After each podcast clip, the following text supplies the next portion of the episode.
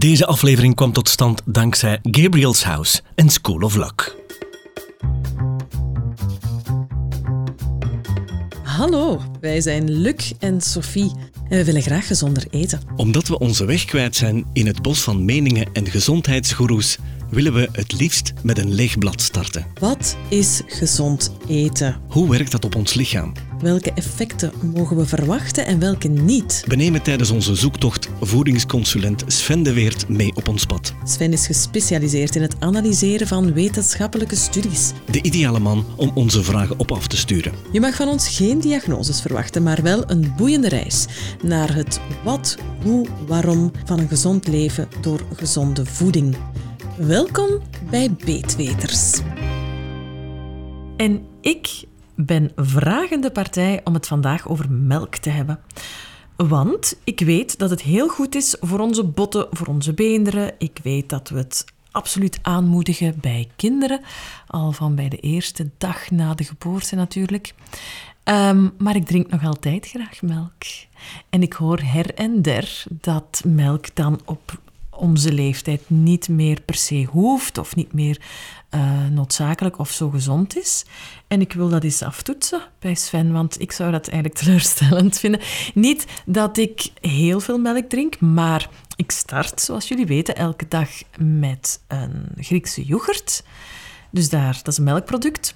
En ik durf overdag, niet dagelijks, maar wel af en toe, eens een glas uh, goede frisse melk drinken. Mijn oma die zei altijd, als het goed is voor de kalfjes, is het ook goed voor de mens.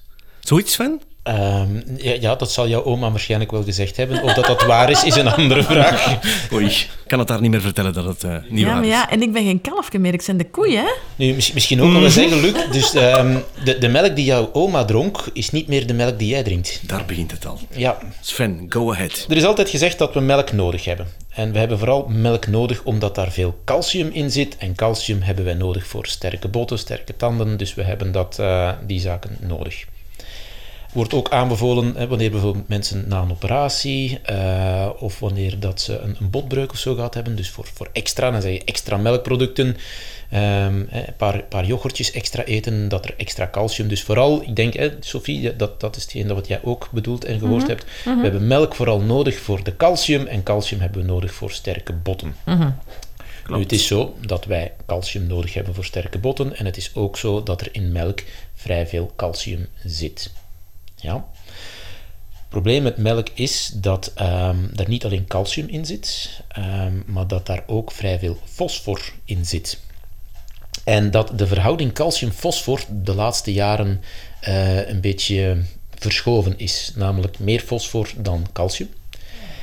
En die fosfor gaat juist zorgen voor botontkalking. Nee. Ja. Nu, fosfor zit niet Kom alleen... aan, wie maakt dat dan? Ja, wel, dat komt omdat wij intensieve, uh, de landbouw, dus de, al, de, al de, de meststoffen en de andere producten die dat we tegenwoordig op de weiden, op ons gras, op ons voeder spuiten, en die komt dan zo in de koe terecht, die komt dan zo in de melk terecht. Uh, plus, wat wij ook, het is niet alleen in de melk dat het zit, maar bijvoorbeeld frisdranken, uh, cola en zo, zit heel veel fosfor in, en dat zorgt voor botontkalking. Dus dat is een beetje het probleem met uh, de melk van nu. Dus dat de calcium die dat daarin zit, uh, veel slechter wordt opgenomen en dus de fosfor dus er zelfs voor zorgt dat er dus meer afgebroken wordt. Wordt dit dan alweer een slecht nieuwsshow? Echt waar? Nee, nee, daarvoor niet. We zijn er nog niet, Luc. Oké. Okay. dus op dit maar, moment hoor ik dat melk slechter is voor mijn botten dan, ik, dan het altijd well, ja. beweerd geweest is. Uh, uh, goh, ja en nee. Dus in, in, in, uh, er zit inderdaad dus calcium in, wat je nodig hebt voor sterke botten. Nu, wat je niet mag vergeten, is dat die calcium in jouw botten moet geraken.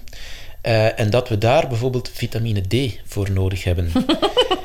Wat ook niemand van ons heeft. Nee, dus uh, vitamine D de laatste jaren uh, is men begonnen van daar, van daar aandacht aan te schenken. Want ik weet, enkele jaren geleden was dat zoiets van, ja, vitamine D werd nooit niet getest, was niet nodig, was zelfs heel gevaarlijk, mocht je niet bijnemen, want vitamine D is vetoplosbaar. Dus dat wil zeggen, als je te veel had, ging het in het lichaam opgestapeld worden kon dan toxisch zijn, dus je mocht dat als supplement absoluut niet gebruiken, want het was heel gevaarlijk.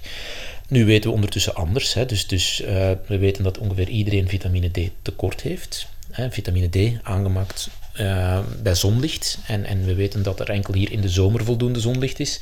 En dat dan zelfs nog de aanmaak niet echt voldoende is. Dus uh, heel veel mensen hebben dus eigenlijk chronisch vitamine D tekort.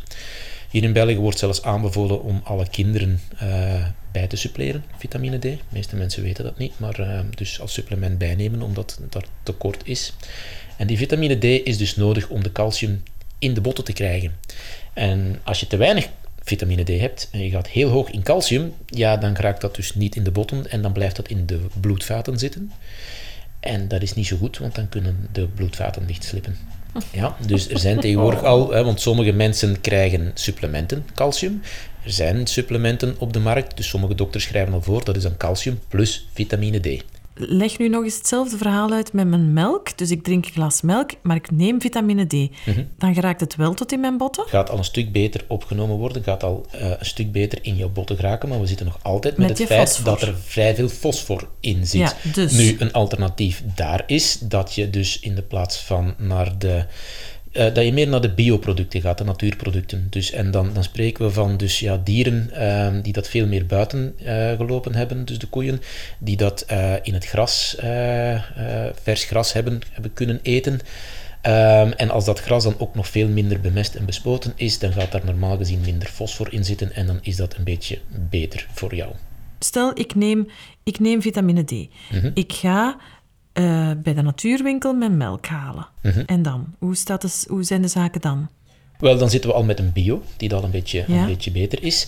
En dan moeten we nog gaan kijken van, goed, hè, dat is inderdaad nog altijd melk. En ik neem aan dat je hier nu spreekt over koemelk. Ja, ja, hè, want, want melk, we hebben ook melk ja, daar van moeten we het andere dieren. over hebben. Ja, ja we zeggen het over hebben. Hè, maar als we nu kijken, vroeger, hè, wij, de melk die dat wij nu drinken, is, is gewoonlijk van, van koemelk. Terwijl mhm. dat vroeger en ik spreek wel van vroeger, vroeger, een paar duizend jaar geleden, was het niet koemelk, maar was het eerder schapenmelk, mhm. geitenmelk, uh, paardenmelk.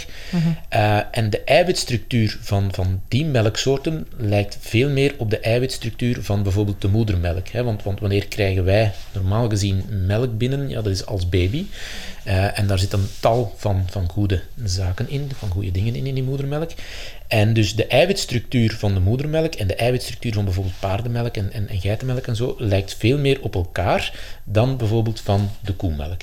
Mm Dus gaat voor ons lichaam wordt, wordt ook, ja, komt beter overeen, ik zal het zo gewoon zeggen.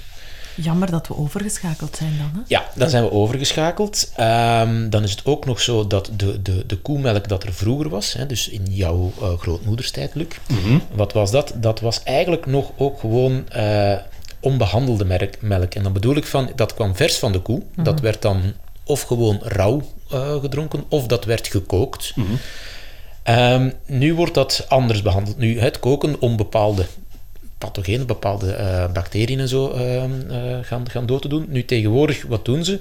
Men gaat dat behandelen hè, en men gaat dat bijvoorbeeld gedurende heel kort, heel hoog verhitten. Je kan het zien op, op de, de verpakking van melk staat er gewoon ook UHT. Mhm. Dus dat is afkorting voor ultra hoge temperatuur dat daarop staat. Dus gedurende heel kort, maar heel hard verhitten. Waardoor dat um, al het, het, mogelijke kwaad, het, al het mogelijke slechte dat erin zit, doodgedaan wordt. Maar jammer genoeg ook heel veel goede zaken. Het is zelfs zo dat bijvoorbeeld uh, melk die dat in, in, bijvoorbeeld in Zwitserland, uh, als je daar melk die op die manier behandeld is, mag men zelfs daar geen melk noemen. Wordt niet verkocht onder de noemer melk. Mhm. hier, hier in België nog, nog altijd wel. En dat is inderdaad dus de melk die dat wij nu hebben. En dat is al een verschil ten opzichte van vroeger. Is er een link met het pasteuriseren van vroeger? Uh, ja, pasteuriseren is nog altijd, uh, dan zit er nog altijd meer uh, goede zaken in dan hetgeen wat we nu aan het doen zijn met, met onze melk. Ik heb eens ergens gehoord dat het uh, procedé waarmee het gepasteuriseerd wordt, dat dat nu anders is ten opzichte van bakweg 50 jaar geleden. Wel, nu gaan we vooral ja, die, die ultra-hoge temperaturen gaan gebruiken en zo. Hè. Dus, dus om, om uh, onze melk te gaan uh, bewaren. Terwijl dat, dat vroeger niet was. Hè. Dus vroeger ja, bestond die methode dus niet. Uh, en het is door die echt heel hoge temperaturen dat we ook bijvoorbeeld tal van, van enzymen die van nature in, in de melk aanwezig zijn, die er gaan voor zorgen dat onze melk goed verteerd wordt, dat we die ook gaan, gaan stuk maken. Waardoor het een beetje moeilijker wordt voor melk te verteren voor ons. Waarom drinken wij nog melk dan? Uh, omdat ons altijd verteld is dat wij dat nodig hebben, dat je minstens zoveel glazen melk nodig hebt per dag voor sterke botten en voor tal van andere zaken. Hier in België wordt, wordt uh, melk drinken uh, heel sterk gepromoot. Ja. Dus er is eigenlijk niks van aan, hè? Nu, wil niet zeggen dat melk daarvoor slecht is. Dus melk kan, kan uh, lekker zijn. Ik neem aan dat je het, drinkt omdat het lekker is ook. hè? Dus, dus er zit ook nog altijd calcium in. Als jij ietsje meer, uh, minder cola zou drinken, Sophie, dan zou je minder fosfor binnenkrijgen. Zou het ook al beter zijn, natuurlijk. Uh, en als je dan bijvoorbeeld dan nog naar natuurwinkel gaat en je gaat dan echt biomelk of ergens vers van, van, van de boer, op die manier is het ook alweer al een, een pak gezonder dan wat het ja, in de winkel dus, dus uh, volledig behandeld, zoals dat die daar verkocht wordt. Hebben we het nog nodig, melk? Stel dat ik zeg, ik ga niks meer drinken van melk. Is dat dan een goede zaak voor Wel, mijn lichaam? Waarom heb je de melk nodig? Dat zou dan zijn voor de calcium. Nu, je kan calcium ook halen uit andere zaken. Dus uh, er zijn ook vrij veel groenten die dat hoog zijn in calcium. Welke? Uh, alle groene bladgroenten bijvoorbeeld, uh, met uitzondering van spinazie. Um, normaal gezien ook alle peulvruchten, maar in peulvruchten wordt het uh, een stukje, die, die, zijn wel hoog in, in uh, calcium, maar het wordt moeilijker opgenomen. Maar in groene, groene bladgroenten uh, zit vrij veel, veel calcium. Maar eigenlijk vertellen wij vandaag dat melk helemaal niet de witte motor is. nee. Dat werd ons vroeger toch in de reclame opgedrongen? Ja, dus dat, werd ons, dat is ons altijd zo gezegd. Mm -hmm. Dus het is ook een tijdje in België zo geweest. Op, op een gegeven moment zaten ze met een melkoverschot. ja, melk is goed voor elk. Ja, was er, was er te veel melk bij de boeren en toen is men gaan promoten aan mensen om meer melk te drinken. Maar ik bedoel ook zelfs indien melk van een goede kwaliteit is en dat die calcium uh, belangrijk is voor onze botten, dan nog bereikt het ons niet, want dan zit dat vitamine D-verhaal er nog tussen. Ja, je hebt altijd voldoende vitamine D nodig om jouw calcium te krijgen maar we hebben dan niet die voldo voldoende vitamine D. Nee, maar dat beseft men nu de laatste jaren en daarom dat we het allemaal moeten bijnemen. Zou het kunnen dat we, dat we eigenlijk toekomen met af en toe een kleinere portie melk en dat we helemaal niet die glazen of dat glas per dag nodig hebben? Wel, de hoeveelheid calcium dat je nodig hebt, hangt er een beetje vanaf van, van hoe goed wordt jouw calcium opgenomen. He, dus als je daar zit met het verhaal van ik krijg heel veel fosfor binnen, waardoor mijn calcium veel minder goed wordt opgenomen, ja, dan ga je veel meer calcium moeten eten of drinken om effectief voldoende in jouw lichaam te krijgen. Terwijl als alles werkt zoals het zou moeten werken hè, en het wordt veel beter opgenomen, kom je met kleinere hoeveelheden toe. Dus het is een kwestie van efficiëntie gewoon. Waar zit die fosfor nog in? Uh, de frisdranken is vooral een heel grote bron van, uh, van fosfor. Want dat vind ik wel straf. Dus fosfor zit in frisdranken en ook in melk.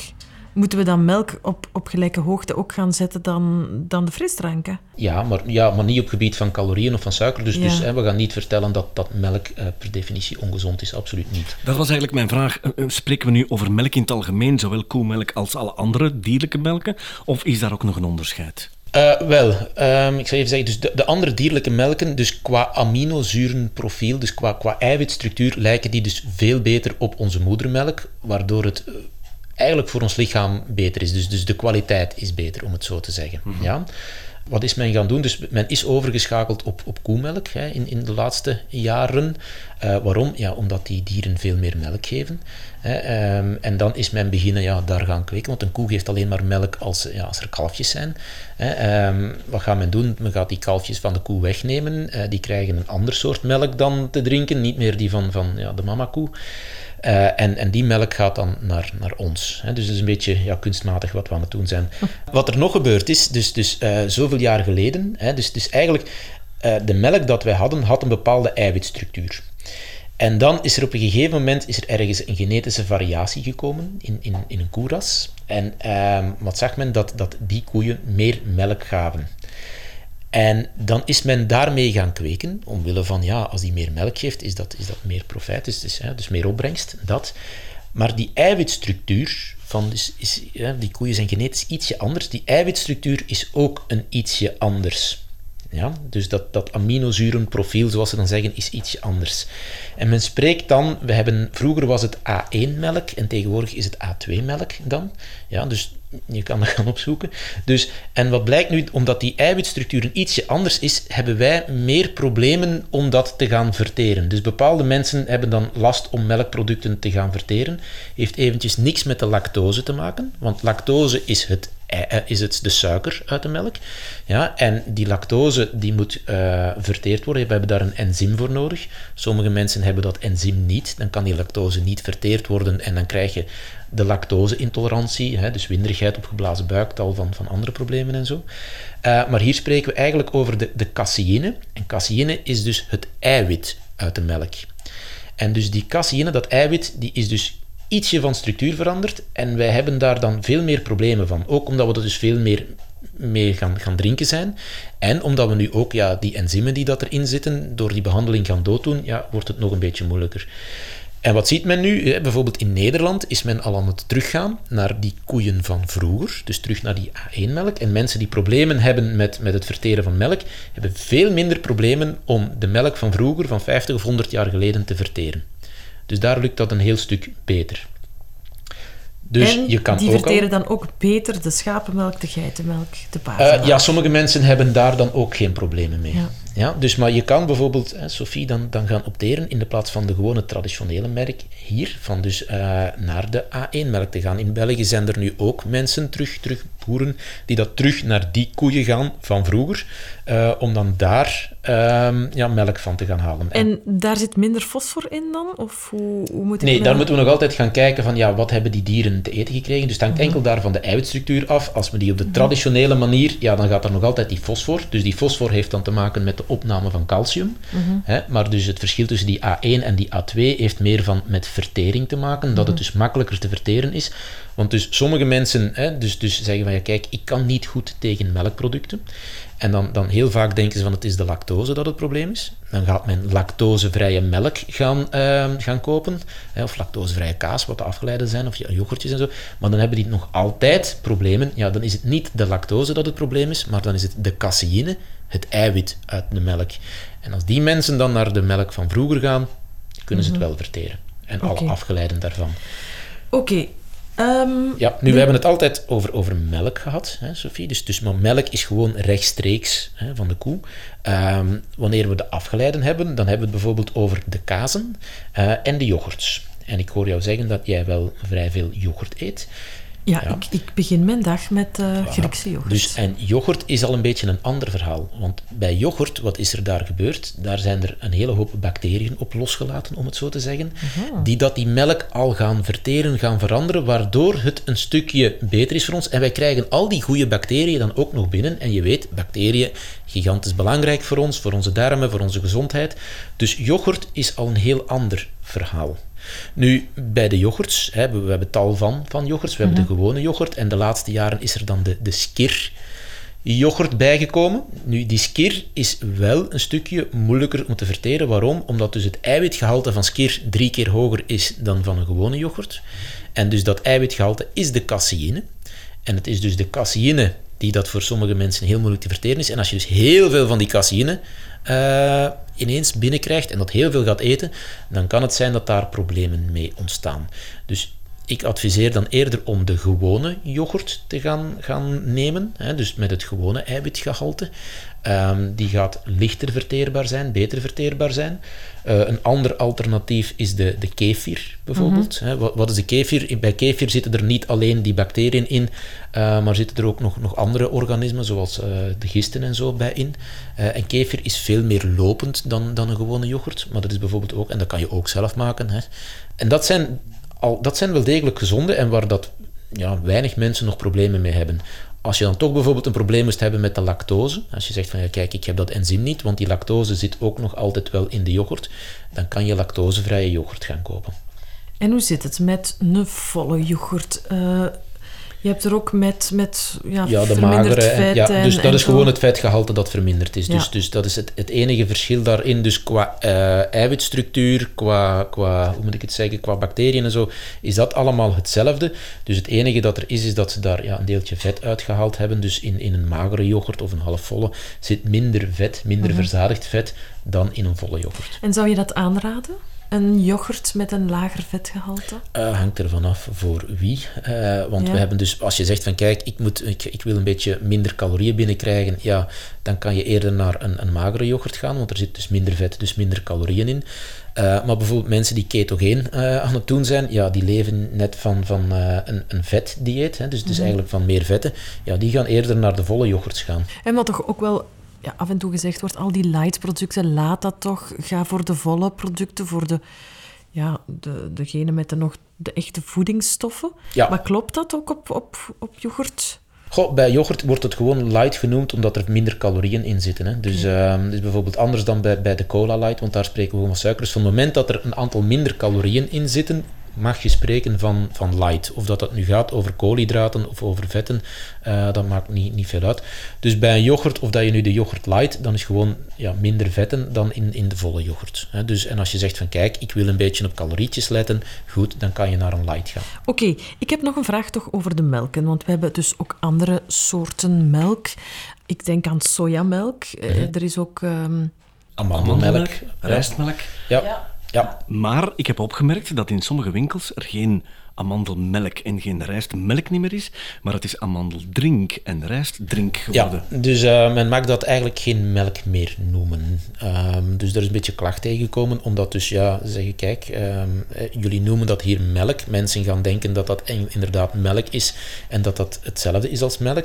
Hè, terwijl bijvoorbeeld amandelmelk, rijstmelk, daar zitten veel minder eiwitten in, omdat het dus ook geen melk is, is eigenlijk sap van, van de amandelen of van de rijst. Dus er zitten geen, geen, uh, geen eiwitjes meer in, dus veel lager in eiwitten. Uh, rijstmelk is bijvoorbeeld een stuk hoger in koolhydraten dan, dan de gewone melk.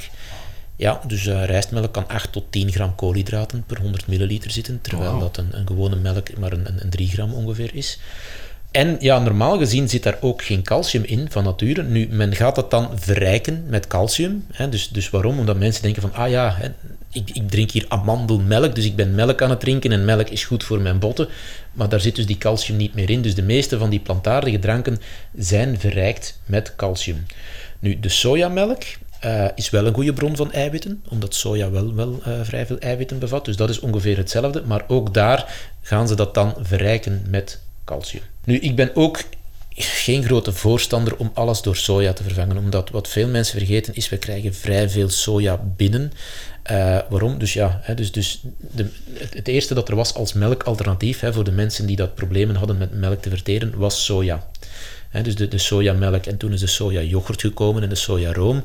Dus er is heel veel soja in onze voeding geslopen. En, en niet alleen omdat mensen dus effectief ook dat gewoon zo rechtstreeks gaan eten, maar bijvoorbeeld ook onze dieren zijn de laatste jaren veel meer soja gaan eten. Dus we krijgen, die, die koeien en zo gaan, gaan soja krijgen. En op die manier komt dat ook weer tot bij ons terecht. Dus wij krijgen heel veel soja binnen langs tal van wegen. Vandaar dat ik zeg van ja, ga dan niet alles vervangen door soja. Dus niet soja, yoghurt, sojamelk. Ja, we hebben eigenlijk al genoeg. Is een gezonde balans dan ook hier weer een oplossing? Gezonde balans tussen sojamelk, tussen amandeldrink, tussen rijstdrink? Ja. Of moeten wij meer gaan naar een goede balans tussen koemelk, schapenmelk, geitenmelk? Wel, ja, ik denk als je, als je melk, dus in, in de yoghurtvorm zie ik persoonlijk van, kijk, yoghurt van, en dat mag dan gewoon van, van de koe zijn, is, is op zich geen probleem. Hè? Uh, en dan kan je nog altijd gaan kijken naar, ik ben altijd wel voorstander van een, een biologische. Uh, van dat te gaan doen. Dus dat is toch, toch nog altijd wel een voordeel, vind ik. Uh, maar bij yoghurt hebben we natuurlijk de bacteriën die tal van goede dingen voor ons doen. En we krijgen die bacteriën nog altijd mee binnen. Dus yoghurt, oké. maar dus de skir daarvan zeg ik van kijk, ga dan nu niet met de kilo eten, omdat dat vrij zwaar verteert. Uh, en dat er dan op termijn wel eventueel probleempjes kunnen ontstaan als die vertering niet 100% is. Ja, na deze aflevering stel ik me gewoon de vraag: waarom drinken we nog melk? Wat, waarschijnlijk wat omdat, jij dat, omdat jij dat lekker vindt. Ja, maar ja. nee, ik dacht echt dat het ook iets opleverde. Ja, maar ja, ik dacht dat ik dus- er goed mee deed. Ja, maar dan kan je beter een yoghurt eten voor jouw calcium. Um, of, hè, zoals ik al zei, van kijk, als het enkel en alleen voor de calcium is, de, de plantaardige melkvervangers, zoals de amandelmelk, rijstmelk en zo, die zijn ook allemaal verrijkt met calcium. En zoals we helemaal in het begin hebben gezegd, zorg dat je voldoende vitamine D en dan gebeurt er ook effectief iets met die calcium. En hoe zit het met kinderen? Hetzelfde verhaal? dus, want verhaal. ik geef mijn kinderen uiteraard melk. Met het Ja. idee van mannen, kom aan, je jullie moet- je moet sporten ook zien, veel, dus- jullie moeten goede botten en beenderen Ja, hebben. een, een ander ding hè, wat, wat er de laatste jaren ook aan het gebeuren is, ehm, is dat onze kinderen en, en mensen in het algemeen worden alsmaar groter. Ehm, en melk zit daar ook voor, of zou daar ook voor iets tussen zitten. Met name dus eh, melk gaat ervoor zorgen dat ons groeihormoon gestimuleerd wordt. En meer groeihormoon wil zeggen dat je sneller groeit, eh, maar ook hormonaal eh, dat alles versnelt. Ehm, we zien bijvoorbeeld in Nederland, hè, land waar dat, ehm, vrij veel melkproducten geconsumeerd worden, zien we ook dat er heel veel grote, lange mensen zijn. Dus groeihormoon wordt, daar, eh, wordt, wordt gestimuleerd door onze melkproducten.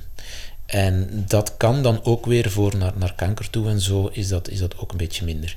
Dus zoals alles, we gaan niet zeggen van dat melk slecht is, maar zoals alles, hè, dus met mate. Eh, en daarbij de bedenking dat dus de melk die dat we nu hebben niet meer de melk is van 50 of 100 jaar geleden, maar we zijn daar en ik, ik vind dat een positief iets, wel, wel naar aan het teruggaan. Hè. Als, als ik zie dat er terug naar, naar eh, de koeien gegaan wordt van, van 50 of 100 jaar geleden, dat we terug naar, naar die, eh, naar die A2-melk eh, en zo aan het, aan het gaan zijn. Dus, Naar de eh, A1-melk, Ja, sorry. Ja. Hoe zit dat precies met die A1 en A2? Want ik ben een beetje verward. wel, het is dus zo, dus, dus vroeger was het dus de A2-melk hè, die, dat, ehm, die dat er was. Dus, dus dat noemen ze gewoon zo. Dus die, die amino, de eiwitprofiel was anders. Nu hebben we de, de A1. Ehm, en dat zorgt eigenlijk voor een slechtere vertering. En, en wordt ook in verband gebracht met, we hebben daar in, in het verleden al wel eens ergens over gehad, het, exorfine.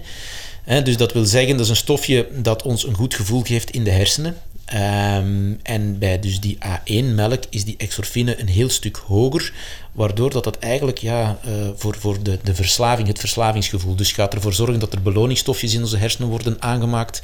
Ehm, en dat was dus vroeger bij die andere melk dus, dus niet. Dus op alle gebied is die, die A2 beter. Wij zouden dus terug moeten naar die A2-melk. Ja, Oké.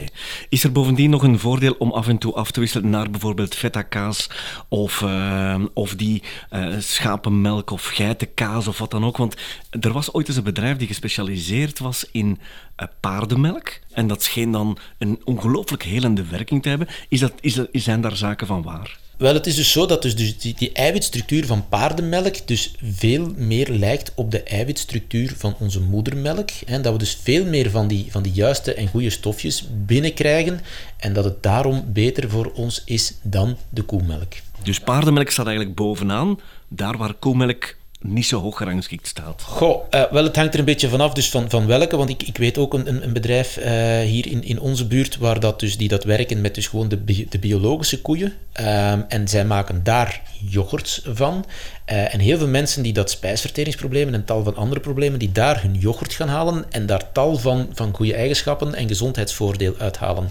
Maar dat is, dus, dat is ook nog, maar dat is niet dan de melk, dat is de yoghurt. Spreken we dan over de zogeheten graskoeien? Want ik had Ja. er nog nooit van gehoord. Ja. Onlangs kwam ik in mijn, eh, in mijn favoriete biowinkel en daar stond boter van graskoeien. Ik dacht, maar in godsnaam, een koe eet altijd gras. Maar dat schijnt niet waar te zijn. Dus Nee, het nee, nee, nee, nee, nee, nee. Dus het is inderdaad, inderdaad zo. Dus er zijn, er zijn koeien die dat niet zo heel veel gras meer zien, eh, die gewoon binnenstaan. En, en Mhm. Zoals we al zeiden, dus, dus dat is het verschil dus, tussen de melk van, eh, van vroeger, van, van jouw grootouders, toen dat de, de meeste mensen nog, eh, of toch sommige mensen, een koe thuis hadden staan, die gewoon buiten liep, waar dat daar melk van genomen werd, Mhm. die dat dan wel gekookt werd, maar voor de rest niet behandeld werd. En, en dat was dan de melk. En dat is niet meer hetgeen dat we nu hebben. Ja, het was een openbaring voor mij, een graskoe. Misschien moeten we eens een boer van graskoeien ooit uitnodigen in onze aflevering. Om eens te zien hoe dat die daar tegenover staan en wat dat, dat nog allemaal kan opleveren. Ja. Ik vind het weer niet zo'n eh, positief uh, draaiende aflevering dus, eh, jij voor mag- mezelf, voor mijn eigen Jij, leven. jij mag jouw melk blijven, zeker jouw yoghurt blijven eten. Je Ja, mag je twijfel- melk blijven drinken, Ah, wel, ik weet het niet, Sven. Waarom? Waarom zeg je dat nog? Eh, omdat je dat lekker vindt. En als je dan de juiste keuze van melk maakt, dus de, de, en daarmee bedoel ik niet dat je per se naar paardenmelk moet gaan, maar ga dan naar een biologische, eh, niet, eh, hoe moet ik het zeggen, eh, niet plat behandelde melk, eh, maar een goede. Ga ergens naar een biowinkel, ga daar je melk halen. Hè. Die mensen werken ook bijvoorbeeld nog met de lokale boeren en zo. Ja, Ga ja, daar absoluut. je melk halen eh, en dan is daar geen enkel probleem mee. Met kleine stapjes de voeding aanpassen. Ja, maar ik heb ook het gevoel dat wij op den duur voor alles, als je echt wil kiezen voor gezonde voeding, dat we voor alles naar de natuurwinkel gaan moeten gaan. Nee, niet voor alles. Voor een aantal, ja, een aantal key products die we toch wel dagelijks gebruiken. Hè? Is ook een beetje logisch, want ik kom regelmatig eh, in de supermarkt. Ik koop altijd mijn eigen producten zelf. Uh, en uh, ik loop vaak rond in de supermarkt met de bedenking makend heel veel zaken kunnen we niet meer meebrengen als we onszelf een beetje ernstig willen nemen op het gebied van voeding. Dat is de bedenking die ik mij ook al maakte. En dan kom ik altijd weer terug van, ja, wat, wat wil je eigenlijk? Welke kwaliteit wil je in huis brengen? En ik heb alles naar Sven geluisterd en stelselmatig, stap voor stap, kleine dingen aangepast. En ik denk dat het in dit verhaal weer al hetzelfde is. Hè? En hoe doe je dat dan? Dus je haalt een aantal producten in de supermarkt en andere zaken in de, in de, in de natuurwinkel. Ja, vandaag realiseerde ik mij dat ik soms gemakkelijkheidshalve een gans karton meebreng. Omdat ja. het gemakkelijk is. Dan denk ik, oké, okay, ik breng een karton van 12 uh, tetrabrikken melk mee, maar eigenlijk is dit niet de juiste melk. Nee. Nu, ik weet, ik, ik kom, ik kom uh, regelmatig in Scandinavië. Uh, Scandinavië, daar is ook vooral de melk dat daar in de supermarkt staat, is, is allemaal verse melk die dat niet behandeld is. Hè. Die, die is maar, maar enkele dagen uh, houdbaar. Dat is niet de melk die dat wij hier hebben, die dat dus ja, behandeld is en, en, en twee jaar houdbaar is. Hè. Wow. Melk wordt bij ons verslonden, als ik het nu denk. Want zo'n prik van... Zo'n pak van 12, ja, ik denk dat we dat echt wel om de week, twee weken uh, verorberen. Ook omdat we maken eens een chocomelk. Um, mijn zoon is gek van pudding, dus die maakt dat ook regelmatig. Uh, ja, we krijgen, we krijgen op verschillende veel. manieren uh, vrij veel. De, de, kaas, heel veel mensen eten kaas, omdat mm. kaas ook lekker is. Uh, waarom is kaas zo lekker? Hè? Wel, dus de, de kaas dat we nu hebben, is natuurlijk gemaakt van de melk die dat we nu hebben, waar dan dat ene stofje in zit dat hè, zo leuk, leuke dingen doet met onze hersenen. En vandaar dat melk zo lekker is. Hè? Mm. Want in kaas zit vrij veel caseïne in. Dus de caseïne komt niet van de naam kaas. Caseïne is dus gewoon het eiwit uh, uit de melk um, daarvan. Maar ja, heel veel mensen uh, neem, neem, neem de melkproductjes weg en dan hebben ze een beetje een probleem. Mm -hmm. Maar dat is wel een onderwerp voor een nieuwe aflevering. Hè? We kunnen hier eindeloos over ja, doorgaan. Hè? Absoluut. Wat ik wel leuk vind, Sophie, is dat wij na twintig afleveringen nog altijd ja. van die mega ontdekkingen hebben, ja, waar we waar. nu een uur lang thuis zitten met te worstelen van oh, we hebben weer slecht nieuws gebracht, maar uiteindelijk moet iemand het toch brengen. Ja, want ze gaan niet happy zijn bij mij als ik zelfs nee, thuis kom. Nee, ik vind dit nieuws veel toch, toch, toch minder slecht dan uh, de, de frietjes en de alcohol. Ik weet ja, niet. Ja, Voor mij is het ook een zware. En deze. uiteindelijk zijn we ook niet heiliger dan de pauze. We reiken maar iets aan. Per slot van rekening doet de luisteraar ermee wat dat hij zelf Tuurlijk. Kies gewoon de juiste, dus de goede, uh, en in de juiste hoeveelheden en is er geen enkel probleem. Oké. Okay. Mm -hmm. Maar heb jij een iets of wat commentaar of wil jij iets toevoegen of heb je een vraag aan Sven? Stuur ze gerust naar ons. Je kan ons vinden op beetweters.be. Daar staan de e-mails op, daar staan onze sociale media op. Je kan ons makkelijk vinden. Hou jezelf niet in en laat het ons weten. Tot de volgende. Deze aflevering kwam tot stand dankzij Gabriel's House en School of Luck.